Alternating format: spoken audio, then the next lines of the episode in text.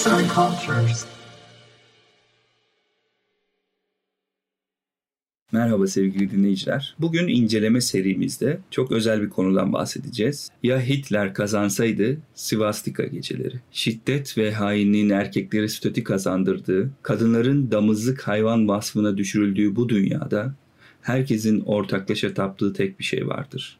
Adolf Hitler. Sivastika geceleri Catherine Burdaki'nin Mary Constantine adıyla 1937 yılında kaleme aldığı feminist distopya türündeki romanıdır. Burdakin, kitabı Hitler iktidara geldikten 4 sene sonra faşizm, diktatörlük ve erkek egemenliği öngörüleriyle birlikte yazmıştır. Kitabı kendisinin yazdığını itiraf eden feminist yazarın itirafından sonra yeni baskısıyla yayımlanan kitap daha çok okunmuştur ve Damızlık Kızın Öyküsü adlı kitabın esin kaynağı olduğu söylenmiştir. Romanda Hitler'in dünyaya hakim oluşunun 700 yıl sonrası işlenmiştir. Romanın yazıldığı dönemde henüz soykırımın ve İkinci Dünya Savaşı'nın gerçekleştirilmemiş olması, Nazizmin toplumsal koşullarını o dönemde dahi yoğun bir şekilde ön plana çıkardığını göstermektedir. Peki bu kitabın ismindeki geçen svastika nedir? Biraz ondan bahsetmek gerekiyor.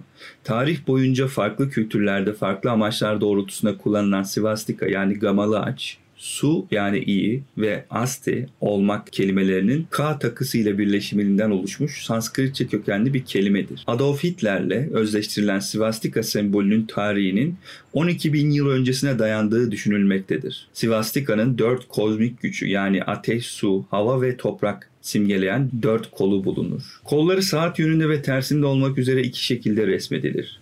Saat yönünde dönen svastika başarı ve sağlığı simgelerken Saat yönü tersine dönen ise uğursuzluğu simgeler. Şimdiye kadar bulunan en eski gamalı ağaç Ukrayna'nın Mezine kentinde 12 bin yıl öncesine dayanan fil dişi bir heykelcik üzerine oyulmuş olarak dünyaya çıkarılmıştır. Tunç çağına giderek yaygınlaşıp Avrupa'ya yayılan bu motifin güneşin gökyüzündeki hareketini temsil ettiği düşünülmektedir. Hemen hemen her medeniyette karşılaşılan svastika, Hinduizm, Budizm ve Jainizm'de bir sembol, Hristiyanlıkta stilize haç ve sanatta bir kalıp olarak, eski Asya kültüründe Yunan para biriminde Ortaçağ Rönesans, Barok mimarisi ve demir eserlerinde kullanılmıştır. Sembol, olumlu bir çağrışımda uzun bir geçmişe sahip olsa da tek bir kültürel bağlamda kullanılmasıyla olumsuz alınmaya başlanmıştır. Nazi Almanyası Nazi Almanyası'nda Sivastika'nın kullanımı. 1920'de Adolf Hitler, gamalı açı bir Alman ulusal sembolü ve takip eden 10 yılda Almanya'da iktidara gelen Nasyonel Sosyalist Parti'nin yani Nazi Partisi bayrağının merkezi unsur olarak benimsemiştir. 1945'e gelindiğinde sembol 2. Dünya Savaşı, askeri vahşet, faşizm ve Nazi Almanyası'nın Avrupa'yı totaliter bir şekilde fethetme girişiminin teşvik ettiği soykırım ile ilişkilendirilmiştir.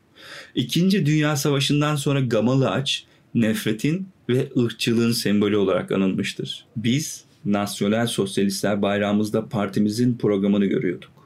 Kırmızı hareketimizin sosyal fikrini ifade ediyordu. Beyaz renkte nasyonist fikri görüyorduk.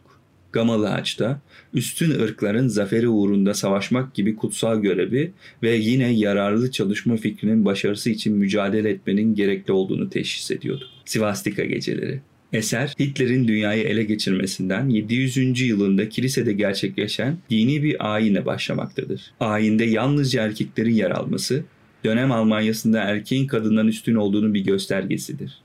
Törende okunan marşla birlikte Nazilerin üstün ırk olduğu, kendi içerisinde kas sistemi bulundurduğu ve Hitler'in Tanrı nezdinde görüldüğü anlaşılır. Kadınlar erkeklerden ayrı bir yerde yaşamakta ve ayinlerini kısıtlı sürede gerçekleştirmekte, kas sisteminin en altında yer almaktadır. Tek tip giyimleri, kazınmış saçları, itilerek yürütülmeleri ve doğurganlık aracı olarak görülmeleri dönem Almanyası'nda kadınları tecavüzü meşru kılan etmenlerden birkaçıdır. Üstündür erkek kadından ve üstündür Nazi bütün yabancı Hitlercilerden. Nazi yabancı Hitlercilerden üstündür ve şövalye de Nazi'den üstündür. Şövalye Nazi'den üstündür ve Führer bütün şövalyelerden üstündür. Toplumsal hiyerarşinin son derece hissedildiği eserde üç ana karakter işlenmiştir. Alman dünyasının ortalama askerlerinden Nazi Hermann, İngiltere'de görev yaptığı esnada Hristiyan Alfred ile tanışır. Alfred Hristiyan olduğundan Nazilerden daha alt statüdedir ve bu durum Almanya'da Nazilerin Alfred'e olan tutumundan da anlaşılmaktadır. Ortalama Nazi askerinden teknik açıdan çok daha bilgili olan Alfred, Hristiyan olduğu için dışlanmaktadır. İkili arasında geçen diyaloglarda dünyaya Japonların ve Almanların hükmettiği, kitapların ve kalan tüm kültürel değerlerle birlikte tarihin yok edildiği, Hitler'in 2.05 boyunda bir tanrı edasında betimlendiği görülmektedir. Fakat tarih yok edilirken bir kitabın saklanması tarihe ışık tutulmasına yol açacaktır. Tarihe yolculuk. Eserin üçüncü ana karakteri dönem Almanyası'nın en üstün statü sahiplerinden biri olan şövalye Friedrich von Hess'tir. Von Hess, diğer şövalyelere nazaran daha ılımlı ve fikirlere açıktı. Herman işlediği bir suç yüzünden mahkemeye çıkarıldığında onun şahidi olan Alfred'le tanışır. Bir Hristiyanla tanışma eylemi içerisine girmesi Von Hess'in diğer şövalyelerden ayrıldığının bir kanıtıdır. Alfred'in konuşmasından bilgi düzeyini anlayan Von Hess, konuşma esnasında tarihe ışık tutan bir fotoğrafın varlığından bahseder. Fotoğrafta Hitler ve birkaç asker bulunurken gözden kaçan detayı hatırlatır.